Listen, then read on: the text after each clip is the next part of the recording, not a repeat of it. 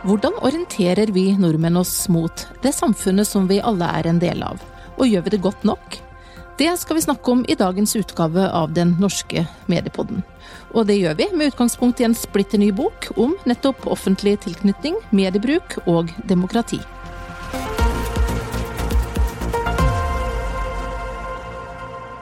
Det viktigste er ikke at vi som borgere er fullt ut informert, men at vi har veier til offentligheten når vi trenger det. Det skriver forfatterne av boken 'Informerte borgere?' spørsmålstegn, offentlig tilknytning, mediebruk og demokrati. Boken er nylig lansert, og den er skrevet av en rekke forskere med støtte fra Norges forskningsråd. Og jeg har med her i dag to av bokens forfattere. Halvard Moe, som er professor i medievitenskap ved Universitetet i Bergen. Og Tine Figenschou, professor i journalistikk ved Oslo MET. Og Halvard Moe, du har vært prosjektleder for denne boken, og her har dere jo gjort både kvantitative undersøkelser med flere tusen deltakere, og dybdeintervjuer med 50 personer. Og hvis du skal oppsummere, hvordan står det egentlig til med oss nordmenn? I hvilken grad tar vi del i den offentligheten som vi er en del av? Ja, Vi mener jo at det står ganske greit til, vi, sånn generelt. Um, den boka her um, tegner absolutt ikke noe sånn skremmebilde av tilstandene.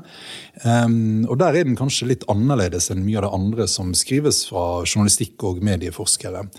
Et utgangspunkt for oss har jo liksom vært eh, en god del sånne veldig dystre diagnoser eh, som ofte gir skylda til borgerne når man skal forklare hvorfor det står så dårlig til med demokratiet, og hvorfor vi ser den type storpolitiske tumulter som vi har sett i verden eh, de siste årene. Men vi foreslår en litt annen tilnærming, og eh, mener at det gir et litt mer nyansert eh, bilde av tilstanden i Norge i dag. da.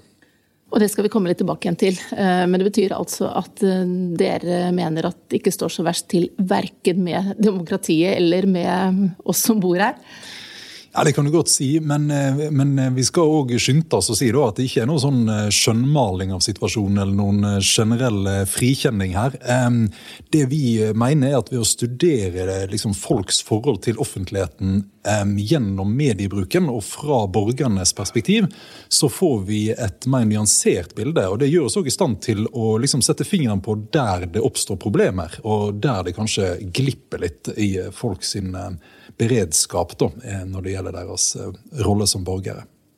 For det er jo sånn at eh, I et demokrati så må vi som borgere, som da er en del av det demokratiet, orientere oss mot samfunnet på en eller annen måte, eller kanskje helst på flere måter. Og Hvordan gjør vi det da, anno 2020, i forhold til de undersøkelsene dere nå har gjort?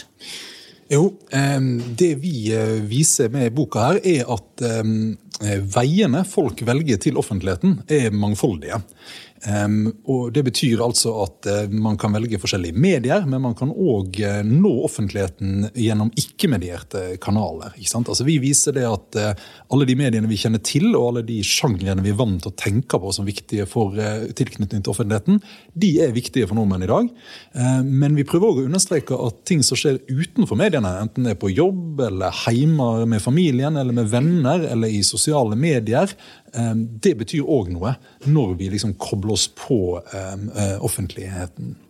Hvordan har denne orienteringen mot samfunnet eller offentligheten endret seg gjennom de siste årene, og kanskje særlig sett i lys av den digitaliseringen som hele samfunnet vårt har vært en del av? Ja, Det er jo et eh, stort og vanskelig spørsmål. og da er det Forskeren i meg må skynde seg å si da, at dette er liksom et øyeblikksbilde. Vi har studert eh, Norge i dag, eh, så vi forsøker liksom ikke å si noe om en historisk utvikling. Men det er jo helt klart at den virkeligheten som vi her studerer, er veldig annerledes enn det den var for bare noen få år siden. Og, og den betydningen sosiale medier har, den betydningen algoritmestyrt innholdsformidling har, den betydningen globale aktører har, er selvfølgelig ganske ganske annerledes enn den var for, eh, for noen år siden. Helt klart. Så de veiene vi som eh, innbyggere, borgere, bruker eh, inn mot denne påkoblingen, de er litt annerledes enn de har vært tidligere? Ja, absolutt. Det, det, er det. Og vi forsøker da, Når vi studerer liksom eh, mediebruken, så forsøker vi å skille mellom litt sånn ulike brukertyper og si noe om hva som kjennetegner de. De som bruker eh, analoge medier mye, de som eh, bruker digitale medier mye, og de som har ulike sjangerpreferanser og innholdspreferanser. Så Det er en del av det bildet vi forsøker å tegne i boka. her. da. Ja, hvilke forskjeller er det vi ser? F.eks. Eh, kan vi se ulikheter eh, basert på kjønn, alder, utdanning, inntekt. Disse vanlige variablene viser de seg også i, i forskjeller på hvordan vi er påkoblet samfunn og offentlighet? Ja, det gjør det absolutt. Det gjør det absolutt. Vi, eh, når det gjelder liksom den overordnede analysen av skillene mellom ulike gruppers offentlige tilknytning, så mener vi det er, gir mening å for det første skille mellom liksom en tradisjonell offentlig tilknytning og en mer moderne. Der det mer moderne er kjennetegna av de nyere mediene og, og de digitale plattformene i større grad. Og Samtidig så mener vi at det er et viktig skille mellom eh, de som opplever en veldig nærhet til liksom, de sentrale arenaene i offentligheten, kanskje det vi kan kalle eliteoffentligheten, og de som opplever at liksom, offentligheten er noe som er et annet sted, langt borte fra, fra deres eh, hverdag. Og Dette henger jo da sammen med liksom, liksom grunnleggende skiller eh, i samfunnet vårt. Ja, får vi rett og slett klasseskiller også når det gjelder dette med påkobling eller orientering mot uh, offentligheten? Ja, det mener vi at det er viktig her. Og vi har egne analyser i boka som tar for seg det. altså Som ser på offentlig tilknytning i et sånn klasseperspektiv.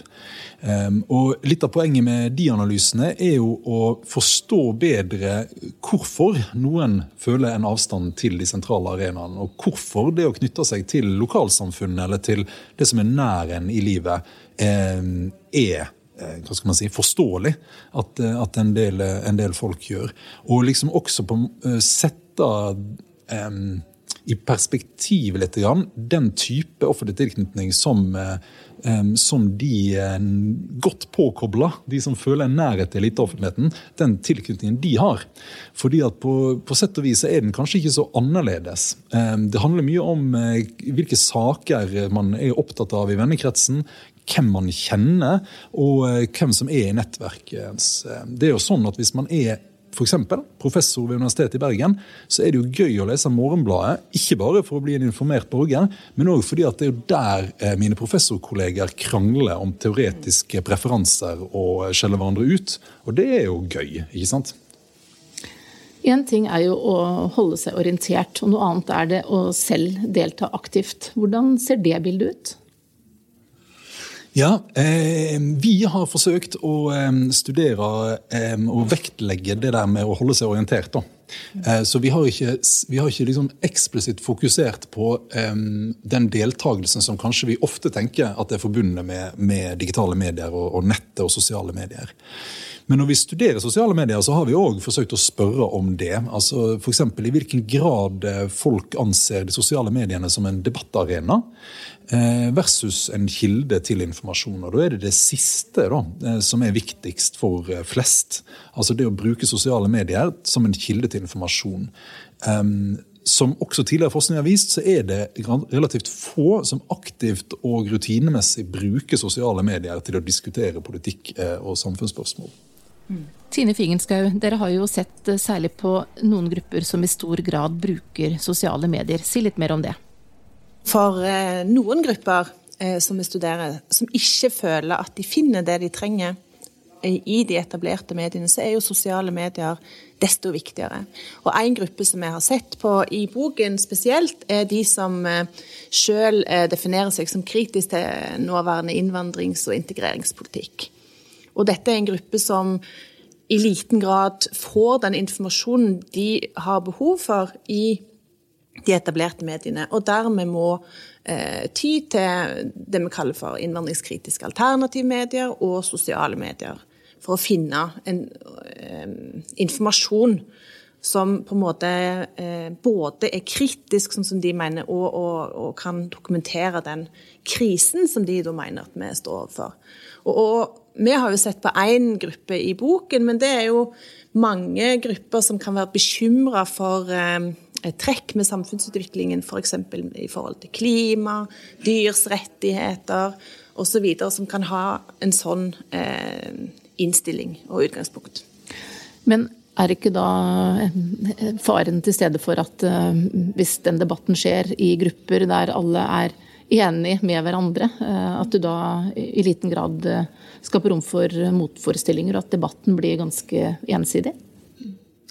Dette er jo en bekymring som man har eh, generelt, og som man skal ha eh, rundt dette med sosiale medier og sånne mindre lukka deloffentligheter. Eh, så klart at jo flere som har samme mening, så er det en tendens til å forsterke den meningen. Eh, jeg tror nok at, at, de informantene våre her, de har ikke den opplevelsen i det hele tatt. De føler at de blir motsagt på nesten alle arenaer. Så selvfølgelig, der kan det jo være en, en, følelse av uh, trygghet og en følelse av bekreftelse. At det òg er andre som, som, ser den samme krisen som de ser da. Så det kan selvfølgelig være forsterkende. Men jeg tror at òg de, og, og, det er viktig å understreke, bruker jo òg andre medier. Og òg de samme mediene som de kan være kritiske til, til andre eh, formål, da. Man følger med på trafikkmeldingene, man følger med på lokalmediene. Man ser om er det noen store internasjonale konflikter. Ehm, sånn at man skiller mellom den ene interessen eller bekymringen som de har, som er veldig intens, og trusselen som de syns de ser komme, eh, og den mer sånn allmenne orienteringen. Og der ligner de jo veldig på de andre vi studerer i prosjektet. Mens vi før i stor grad hadde de samme medieopplevelsene. Alle leste de samme avisene. Det var ikke så mange av de annet enn at det, i hvert fall mange gjorde det. Eh, og så de samme TV-programmene på det samme tidspunktet. Eh, det tidspunktet som de faktisk da ble sendt. Så hver og en av oss i dag i større grad en individuell mediediett. Hvilke konsekvenser har det for den offentlige samtalen? Er den i ferd med å falle fra hverandre og bare bli fragmenterte biter? Halvard? Nei.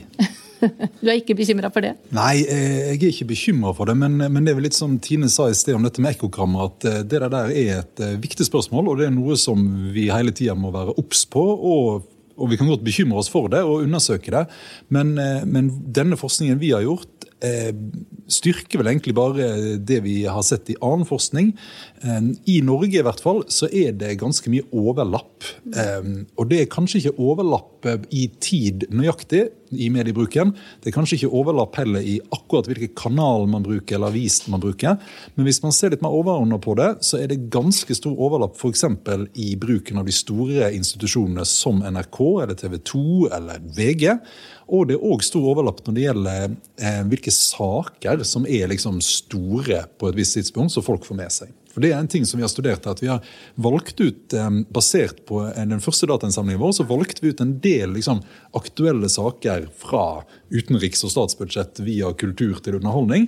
Og så forsøkte vi å, å, spørre folk om i hvilken grad de har fått med seg eller fulgt med på eller hatt interesse for de sakene. Så fellesarenaene er der både når det gjelder eh, type medier og hvilke saker vi følger med på, i hvert fall eh, de store og viktige? Ja, det mener vi altså. I, i veldig stor grad så er det det. Undersøkelsene deres viser at ni av ti nordmenn følger med på nyheter minst fem dager i uka. og Det må jo bety da at de fleste av oss er ganske godt informert?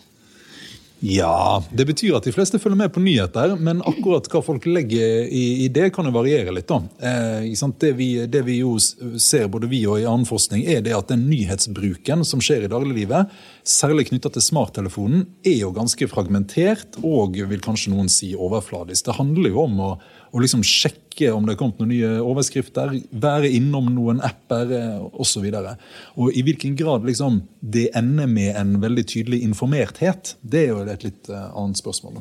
Tine? Ja, En ting som er interessant i prosjektet, er jo dette at de aller fleste eh, som vi snakker med, føler en plikt. Og føler at de ikke helt lever opp til det, hvor mye de burde ha fulgt med på nyhetene. Sånn at man har et veldig sånn ambivalent eh, forhold til det. Man burde, føler at man burde vært mer orientert, bedre orientert, samtidig som mange syns det kan bli veldig mye, da. I boken eh, så viser dere også at eh, det er noen grupper, som de yngre, og da særlig kvinner med lav utdanning, som følger lite med særlig tradisjonelle medier. Hvilken betydning tenker dere at dette har? Ja, Dette er interessante skiller. og For å ta det første først, dette med, med de såkalte sjeldenbrukerne av nyheter. Og Sjeldenbruker er jo ikke et så veldig snappy uttrykk, men vi foretrekker det foran nyhetsunnvikere. fordi som du var inne på her, så er det relativt få i Norge som ikke får med seg noen nyheter. Så det gir ikke så mye mening å snakke om nyhetsunnvikere, syns vi.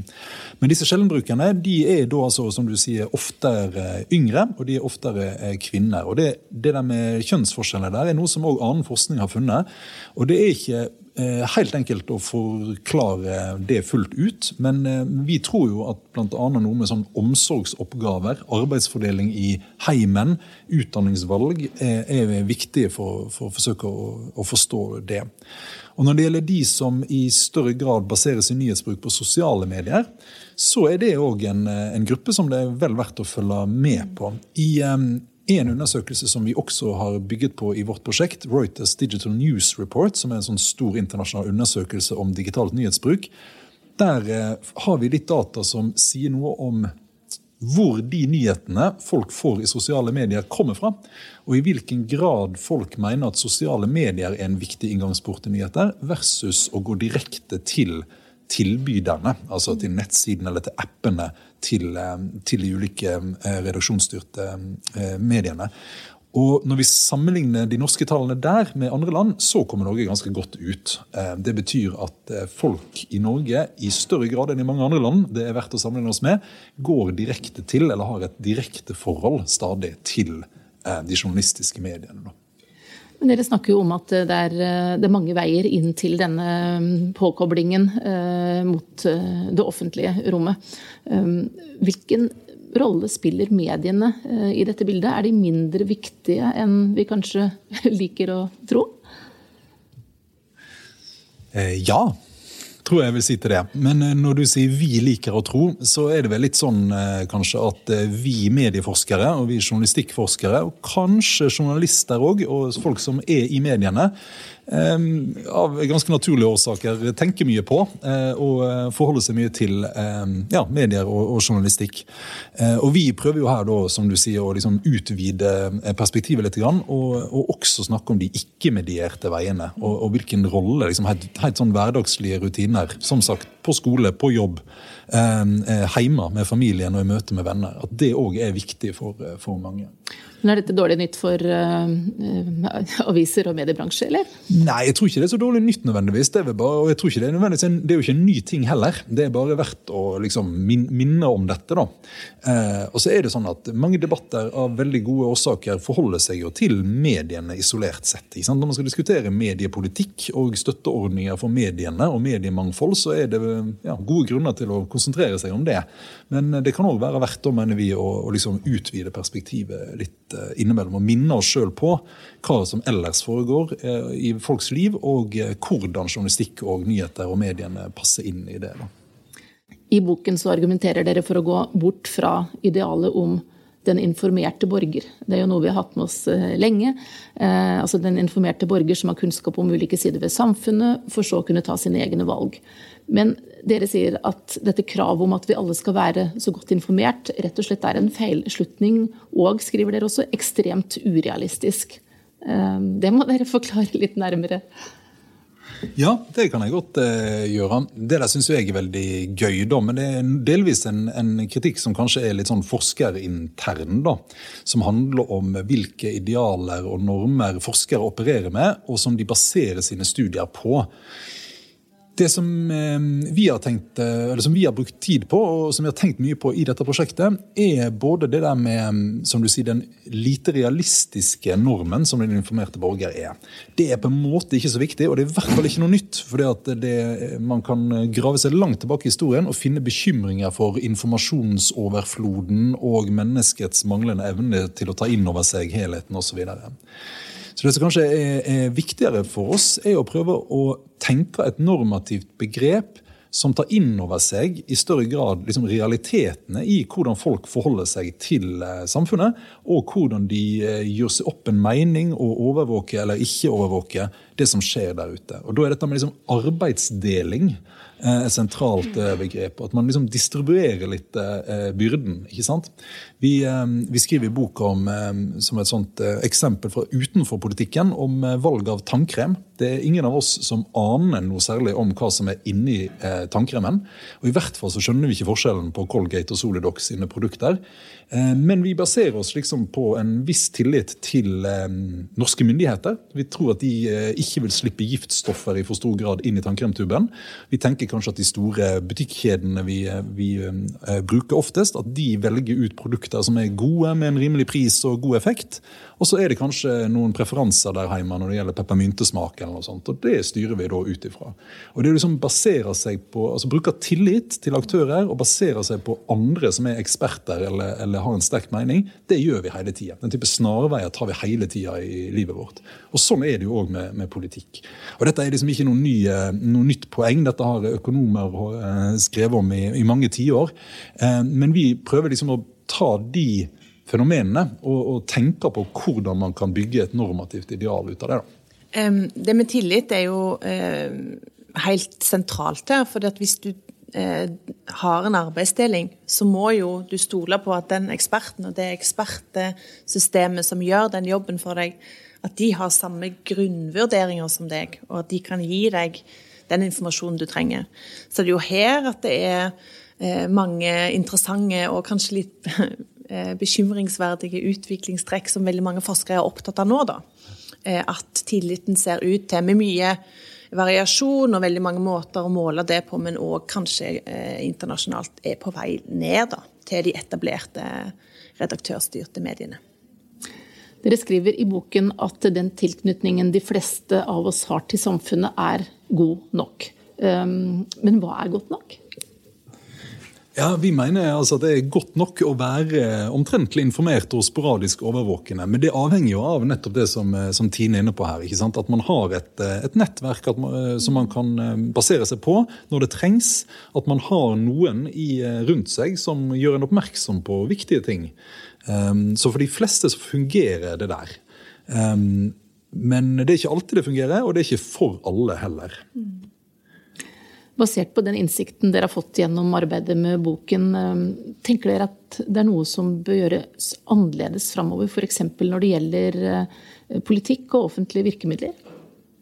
Ja, vi, eh, vi, forsøker å si noe om det helt til slutt i, i boka. Og to av de tingene vi, vi, peker på der, er for det første dette med mediekompetanse eh, og kritisk medieforståelse. Det framstår for oss, eh, hvis vi skal ta på alvor liksom behovet for å kunne finne informasjon, eh, vite hvem man skal ha tillit til og ikke, orientere seg i ulike kilder i en digital mediehverdag, så framstår det, eh, mediekompetanse og kritisk medieforståelse, som veldig sentralt, syns vi. Det andre punktet eh, handler kanskje om å ta på alvor det at så mange baserer sin tilknytning til offentligheten på ulike gratiskanaler. Da. Altså, og dette igjen er ikke, noe, er ikke et nytt, eh, nytt, poeng, men hvis det er sånn, eller når det er sånn at mange i Norge eh, har som viktigste nyhetskilder gratismedier eller sosiale medier, eh, så er det jo viktig at den informasjonen de får der, er av god kvalitet. Eh, og det kan man jo tenke seg at kunne være en politisk oppgave å, å passe på, da. Litt mer konkret, hva tenker du på da? Jeg, jeg satt i Mediemangfoldsutvalget, som skrev en NOU der vi, der vi, også var inne på dette. her, eh, Og hvordan man kan tenke seg at eh, støtteordninger rett og slett eh, for gratismedier kunne bli ja, styrket eller tenkt på nytt når man former mediepolitikken. Og så har vi selvfølgelig institusjonen NRK, som jo er en, en veldig viktig gratis medieaktør i Norge, og som selvfølgelig mange, mange bruker å basere seg på som òg bidrar eh, der. da. Sånn helt til slutt, ehm, når dere nå har gjort disse undersøkelsene, skrevet denne boka, ehm, er bildet mindre bekymringsfullt enn dere trodde før dere gikk i gang, eller hva tenker dere nå når eh, boken er ute og jobben er gjort? Dere kan få svare begge to. ja, altså jeg, jeg, tror nok at eh, da vi starta prosjektet, og det var jo da før vi begynte på denne konkrete boka, men da i, i 2016, da vi starta dette forskningsprosjektet, så trodde nok jeg vi skulle komme til å ha en mer dyster stemning eh, i, i, gjennom dette. Um, så, så jeg, ja, jeg, tror egentlig at, eh, at, våre analyser har brakt fram liksom kompleksiteten og nyansene i, i, folks forhold til offentligheten. Og gjennom den tilnærmingen som vi utvikler her, så, så syns jeg at vi har fått fram et eh, ja, Kanskje det er et mer oppløftende bilde da, enn jeg hadde trodd i utgangspunktet. Er du enig i det, Tine? Um, Jeg vet ikke om jeg skal svare på om, om det er halvfylt eller halvtomt, men jeg, eh, jeg tror at det som prosjektet er med på, er en, en, slags vridning der man blir mer interessert i publikumssiden av eh, nyheter og, og, og, medielandskapet. Og det har jo vært oversett både av forskere og ikke minst av mediebedriftene sjøl.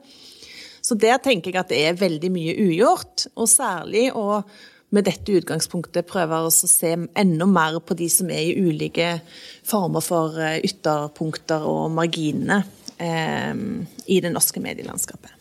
Hva blir det neste dere skal eh, se på nå, da? Hva bør eh, forskes mer på, med utgangspunkt i eh, det dere nå har funnet ut?